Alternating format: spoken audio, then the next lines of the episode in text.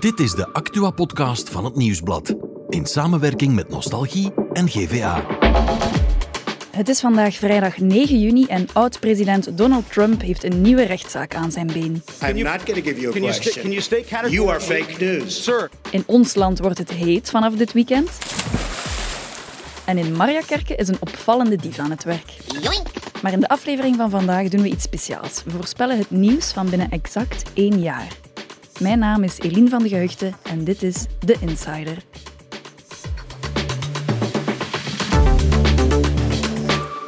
The Insider is een Actua-podcast, maar deze keer brengen we niet het verhaal van vandaag, wel dat van binnen exact één jaar, want op 9 juni 2024 vinden verkiezingen plaats.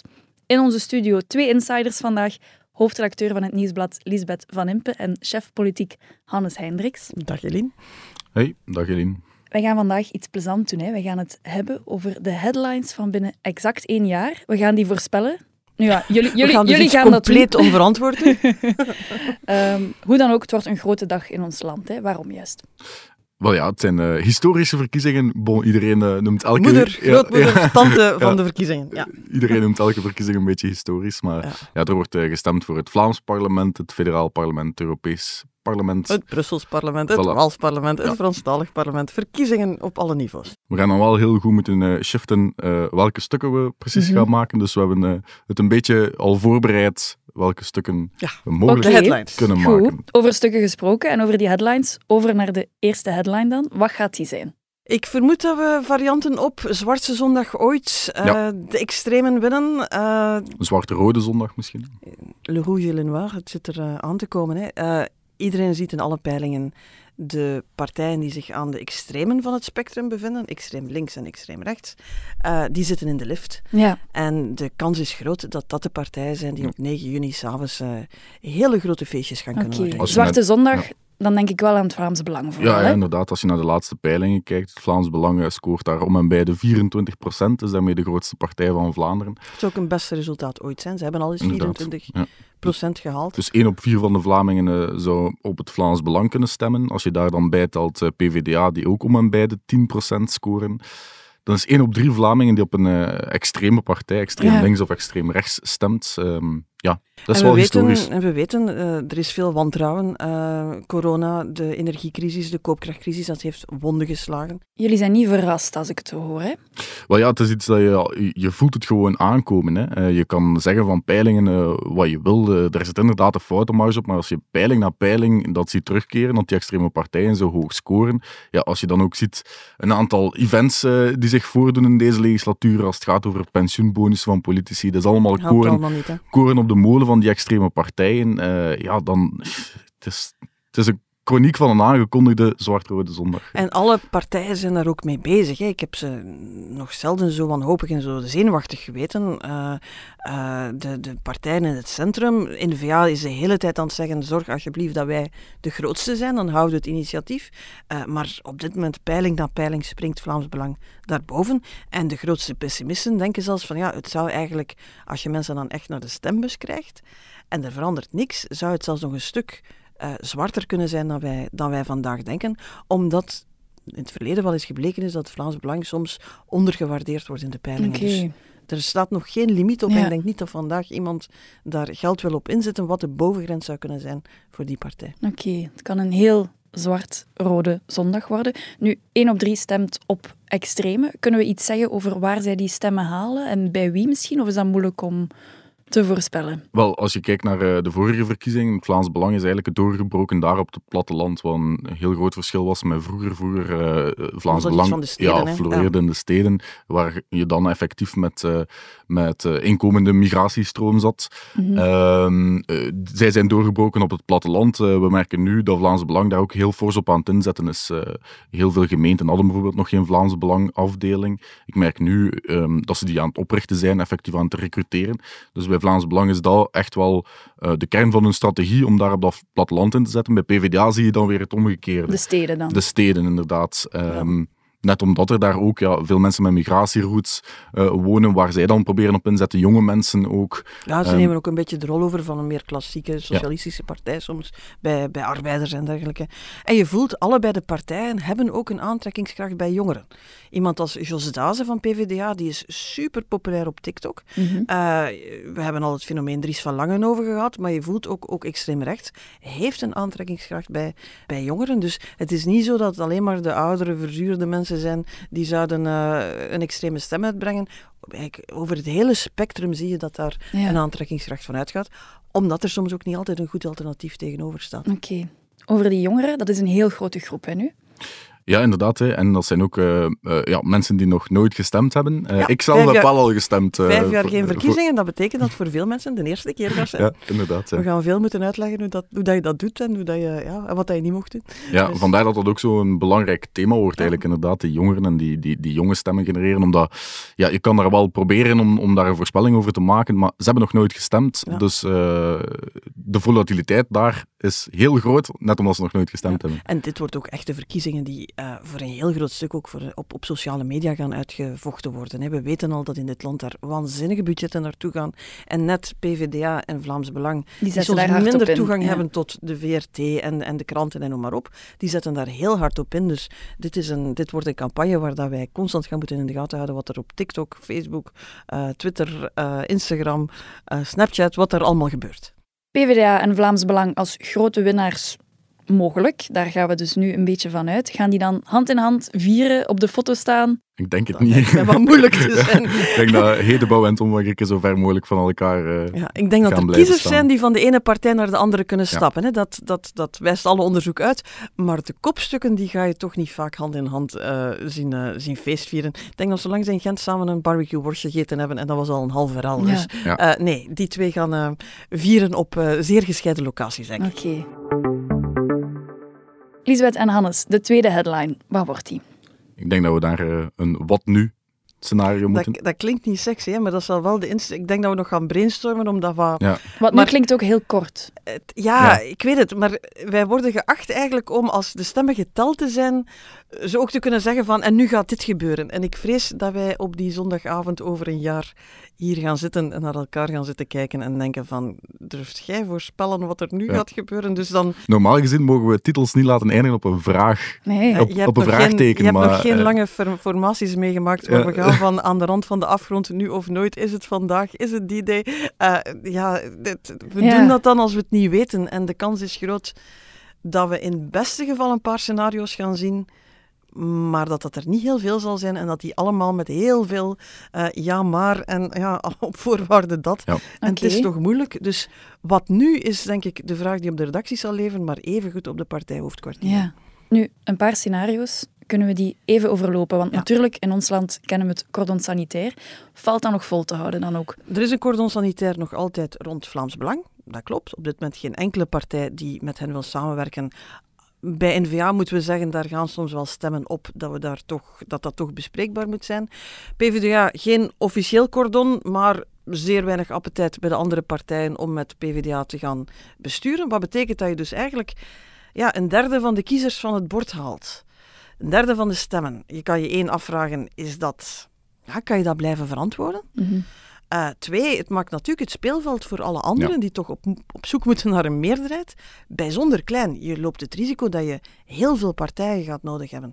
Dus Ja, als je bijvoorbeeld kijkt naar de Vlaamse regering, vandaag de partijen die daarin zitten, CD&V, N-VA, Open VLD, die halen eh, volgens de peilingen geen meerderheid bijvoorbeeld. Eh, dus ja, dat zijn al drie partijen, wat al niet zo evident is om samen in een coalitie samen te werken. Je gaat dan naar een vierde partij erbij moeten. ja, federaal ehm, is eigenlijk vooruit aan Vlaamse kant de, de enige winnaar eh, in de peilingen. Dus al die andere partijen, ja, die, dat zijn echt dwergen geworden. Hè. Ja, en Ehm, dan heb je dus er heel veel nodig. eh, te gaan besturen. En dan moet je kijken naar vandaag, waar al met zeven partijen federaal bestuurd wordt en waar we moeilijk van kunnen zeggen dat die nu de beste case aan het maken zijn, dat zeven partijen, dat dat heel goed kan overeenkomen, dat dat zonder probleem een ambitieuze hervormingsagenda met elkaar afspreekt en dat dat nog eens vrolijk, vrij en vrolijk begint te Mhm. implementeren. Voeg daarbij dat we nu in de aanloop al voelen dat er bij heel veel campagnes, eh, heel veel positionering van partijen, er al heel veel veto's gaan uitgesproken worden. Ja. Wie gaat die veto stellen? Iedereen. Ja, N-VA gaat zeggen, wij komen maar aan tafel als het een grote staatshervorming is.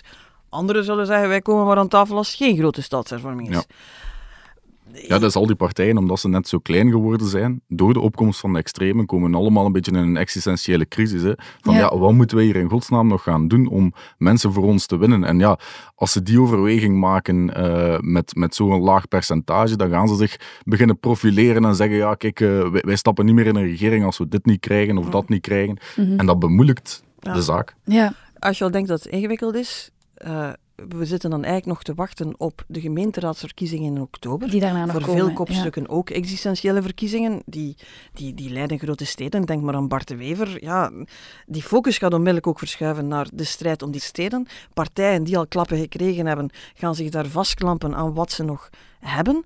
En op de federale regering, ja, daar, daar is het de koning die iemand moet uitsturen. Maar ja, als het totaal niet duidelijk is en iedereen naar elkaar zit te kijken en ja, gaan we eerst regionale eh, regeringen vormen of eerst federale, of moeten we eerst weten Mhm. hoe het juist zit? Dus verwacht daar maar verkenners, eh, Ja. scouts, eh, marinebiologen om ergens te gaan zoeken naar wat een oplossing zou kunnen zijn. Ja, we hebben die veto's, we hebben profilering en we gaan heel veel figuren zien passeren met bepaalde opdrachten. Maar wie gaat er initiatief nemen? Wie gaat daar een voortrekkersrol in hebben? Wel ja, ehm, op Vlaams niveau staat dat, staat dat eigenlijk vast. Hè. De grootste partij krijgt daar het initiatiefrecht, dus dat zal waarschijnlijk Vlaams Belang zijn. Als, maar als eh, niemand er echt mee, mee wil klappen, Ja, dan, dan, is eh, dat ook rap gedaan. Ja, inderdaad. Dan zal dat een rondje voor, eh, voor de show zijn waarschijnlijk. Ehm, en op federaal niveau, ja, dan zal het kijken zijn naar, denk ik, de PS, als die de grootste partij Ja. eh, blijkt. De Waalse kant. Ja, ja, die krijgen, die hebben nog, nog steeds een stevige, stevige voorsprong daar in, in de peilingen. Ehm, maar bon, ja, daar is dan de vraag, gaan ze met NVA eh, proberen praten of toch naar Vivaldi 2 gaan proberen gaan? Dus daar, De verwachting vandaag is dat de PS waarschijnlijk gaat proberen om Val- Vivaldi 2 op de been te brengen. Tegelijk voel je de situatie kan zo ingewikkeld zijn dat eigenlijk maar een paar mensen, een, een, een Paul Magnet, misschien een Bart de Wever, eh, wie weet nog een aantal andere figuren, eigenlijk waarschijnlijk in alle luwte gaan beginnen aftasten van wat kan hier? Ja, nieuw speelveld betekent ook nieuwe premier. Daar gaan we naar onze derde Ja. insteek voor eh, verkiezingsavond, denk ik. Hè? inderdaad, ja, we moeten kijken wie dat er eh, met pensioen gaat of een Wie andere job mag gaan zoeken. LinkedIn-profiel gaat updaten. Ja. Wie, ehm, en dan, dan weet je, ja, onze, onze regeringsleiders vandaag, Jan Jan Bon, daar is het pensioen eigenlijk al Ja, dat een staat. paar jaar geleden ja. van, van aangekondigd. Hannes, ik heb u heel mo- mooi horen zeggen, Jan Bon, die wordt voltijds. Opa, denk ik. Ja, ja. Maar misschien nog ergens iets Europees. Om, Ja, om- ik, ik hoor nu al dat hij heel veel met zijn kleinkinderen bezig is. Dus, eh, en, en niet zo heel veel met de regering. Dus ik kan mij voorstellen dat na 2024 eh, Jan Jan Bon kiest voor, eh, voor zijn familie. De inschatting is dat Alexander De Croo misschien nog wel zou zin hebben om een- nog eens een regering te leiden. eh, een Vivaldi Ja. 2. Maar de kans dat de rest dat nog gaat zien zitten, zeker als de, de Open VLD nu ook nog eens slaag krijgt. eh, hij was al eigenlijk ja, van Ja. een van de kleinere partijen. En hij heeft zich nu niet zo populair gemaakt Ja, dat de anderen hem. per Vroeger was de boutade dat je eh, als premier de wedstrijd 16 inging en buiten kwam met 16 Ja, en, dat was dan, toen slecht. dan was toen, Nu zouden slecht, ze ja. een moord doen voor 16 Om 16 procent te Na halen. de ja. 16, Ja, inderdaad. Oké, Oké, de Croo en Jan Bon die mogen hun eh, functie op LinkedIn stilaan gaan wijzigen. Mogen er nog mensen afzwaaien? Hoe zit het met de voorzitters? Wel, als je kijkt naar bijvoorbeeld eh Lachaert, eh, bijvoorbeeld, eh, ik denk dat mocht die slaag krijgen bij de verkiezingen, wat er toch wel was het aan te komen. Dan wordt het moeilijk om Ja. te blijven zitten, denk ik. De Groenen, als die weer in de buurt van de kiesdrempel zouden komen, wordt moeilijk. Ehm, bij CD&V hebben ze al een wissel gedaan. Als dat niet geholpen heeft, ja, dan weet ik niet wat dat ze daar nog gaan verzinnen. Ehm, ja, goed, het is, wel, het, is, het is vaak beltjeszag. Alleen als de periode erachter heel veel onzekerheid heeft, hebben we ook al gezien dat ze dan soms blijven zitten met ik moet eerst nog de boel opkuisen en Ja. ik ga maar weg als er een nieuwe regering is of zo. De Wever doet dat al 20 jaar. Op is die waar. manier. Ja, Ja. maar eh, hij zal dat deze keer weer moeten doen. hè. De Wever zal voor alles kandidaat zijn, denk ik. Dus eh, burgemeester, premier als het moet, minister-president als het niet anders kan. Eh, en we gaan op het einde moeten zien wat dat er van overschiet. Oké. En ik denk dat veel mensen ook kijken naar Conor Rousseau. Wat mogen we daarvan verwachten? Wel ja, Connor die, ehm, heeft het nog niet met zoveel woorden gezegd, maar hij zegt... gevoelig Ja, roebelen, hè. ja, inderdaad. Ja. En hij zegt wel dat hij een zo hoog mogelijke functie wil bekleden. Ehm, dus eh, ja, die is zich wel aan het warmlopen om premier te koning worden. te worden. Nee, nee, Ah premier ja, te ja, worden. nee, koning, ja. Nee, nee, je voelt, eh, Conor Rousseau, daar voel je af en toe al wel eens van, goh, waarom niet? Eh, iemand als eh, Georges-Louis Bou- Boucher, die heeft dan Ja. al expliciet gezegd dat dat eigenlijk zijn hoogste ambitie is. Paul Magnet ook. Eh, Paul Magnet, daarvan weten we dat hij eigenlijk een beetje spijt heeft dat hij het de vorige keer gelaten heeft aan Alexander de Croo. Dus eh, we gaan deze keer wel mensen hebben die eh, premier zouden willen worden. En dus zoals ik al zei, Bart Wever heeft al gezegd van, goh, als het echt moet, als het echt moet, Dan, dan zal hij ook. We Een geloven dat, doen. we nemen dat met een stevige korrels uit, want dat is niet de eerste keer. Maar Ja. ja, je kunt nooit weten. Goed, dan denk ik dat de derde headline ook vast ligt. Hè? Wat wordt die? Wel, in grote drukletters denk ik eh, Rousseau versus Boucher, richting 16. Bijvoorbeeld Paul Magnet, derde hond. Ik bedoel, Ja. kunnen, we wel, eh, kunnen we wel mee weg. Oké. Goeie voorspellingen allemaal. Ja, kunnen wij daar nog iets aan veranderen aan die headliners? Of zijn we redelijk zeker dat Eline, het is worden? compleet onverantwoord wat we hier voorbij eh, Ja, een kwartier hebben ik wil, zitten ik wil doen. deze podcast volgend jaar niet opnieuw eigenlijk. Gaan we het toch doen, Hannes? Het is nog een heel jaar, wat betekent dat er van alles nog kan gebeuren. Allee, ja, zeker de voorbije legislatuur. Eh, Denk even terug, hè. de verkiezingen van 19, waar niemand wist dat er een pandemie aankwam. Niemand wist dat Rusland plots aan de achterdeur ging komen staan. En eh, alles om, omvergegooid wordt. Dat kan nog altijd gebeuren. Er kunnen er events, events, dat is hetgene wat de politiek op zijn kop zet. Ehm, maar je ziet wel, mm, met wat we vandaag hebben, en waar je de trends ziet, en als je ziet waar de kiezers zitten, dit is een realistisch, realistische mogelijkheid. Maar eh, ja, we gaan echt. Ik, ik denk dat we nu moeten afspreken dat onze producer Bert op verkiezingsavond niet begint met. eh, ah, we gaan eens kijken wat jullie een jaar geleden gezegd Ja. hebben. Oké, laten we benadrukken dat het allemaal hypothetisch is. Hannes, misschien nog even morgen in de krant lezen we ook iets interessants hè, over de komende verkiezingen. Ja, inderdaad. Dus, eh, we staan op één jaar van de verkiezingen en we merken dat de federale regering eigenlijk niet zo heel veel plannen meer heeft. Dus eh, we hebben een rapport gemaakt van, eh, van de verschillende federale ministers. We hebben er ook effectief een, een score op geplakt en eh, ja, een rapport voorgeschoteld. Dus eh, ik denk dat ze zelf ook eh, een beetje zenuwachtig voor zijn. Oké, we kijken er naar uit. Ja. Dank jullie wel allebei voor jullie expertise. Naast het nieuws van over exact één jaar is er ook nog nieuws vandaag natuurlijk. Niet waar, Bert? Ja, dat klopt, Elin. Vertel eens, wat hebben we vandaag te lezen?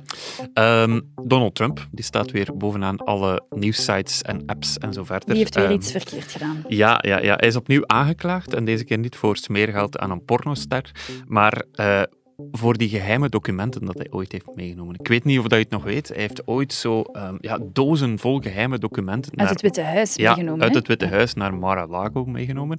Daar waren ze dan op uitgekomen ja, toen hij al een aantal maanden president af was. Ehm, hij heeft er dan een paar teruggegeven, hebben ze nog een, huis- een uitzoeking gedaan, hebben ze er nog 13.000 teruggevonden. Dus Nou ja, hij had een paar dozen achtergehouden. Voilà, ja, toevallig, die lagen nog in de kelder of zo. In elk geval, hij moet daarvoor nu dinsdag eh, in de rechtbank in Miami verschijnen.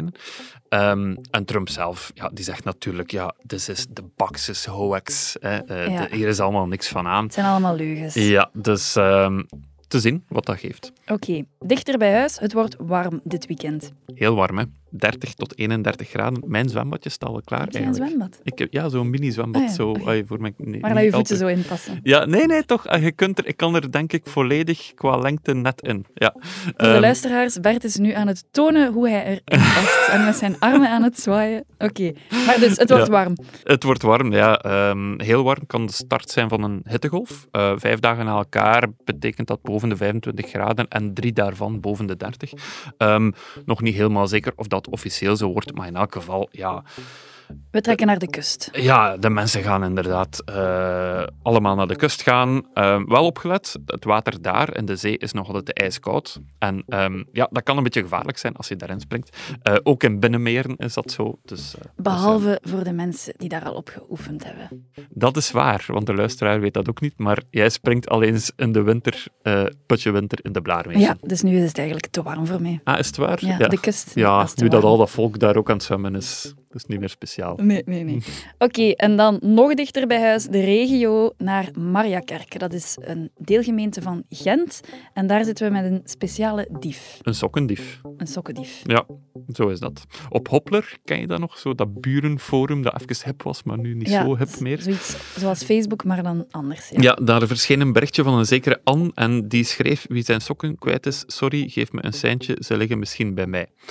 Wat is Maar er Anne is niet de dief. Anne is niet de dief. Nee, eh, haar kat Cookie is mogelijk de dief. eh, want het is zo, Cookie eh, die had al een gewoonte in huis dat hij altijd van die sokken uit de wasmand aan de slaapkamerdeur ging leggen als een cadeautje, zoals dat ze met muizen soms ook doen.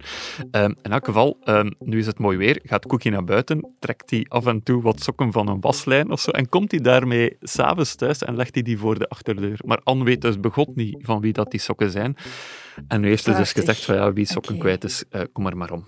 Oké, prachtig cadeau wel. Prachtig cadeau, zoals het ook een goed regio-artikel betaamt, stond er nog een heel schone foto van Cookie tussen de sokken bij. Dus dat maakt het helemaal af. Oké. Merci voor dat nieuws en maandag zijn we er opnieuw met de Insider.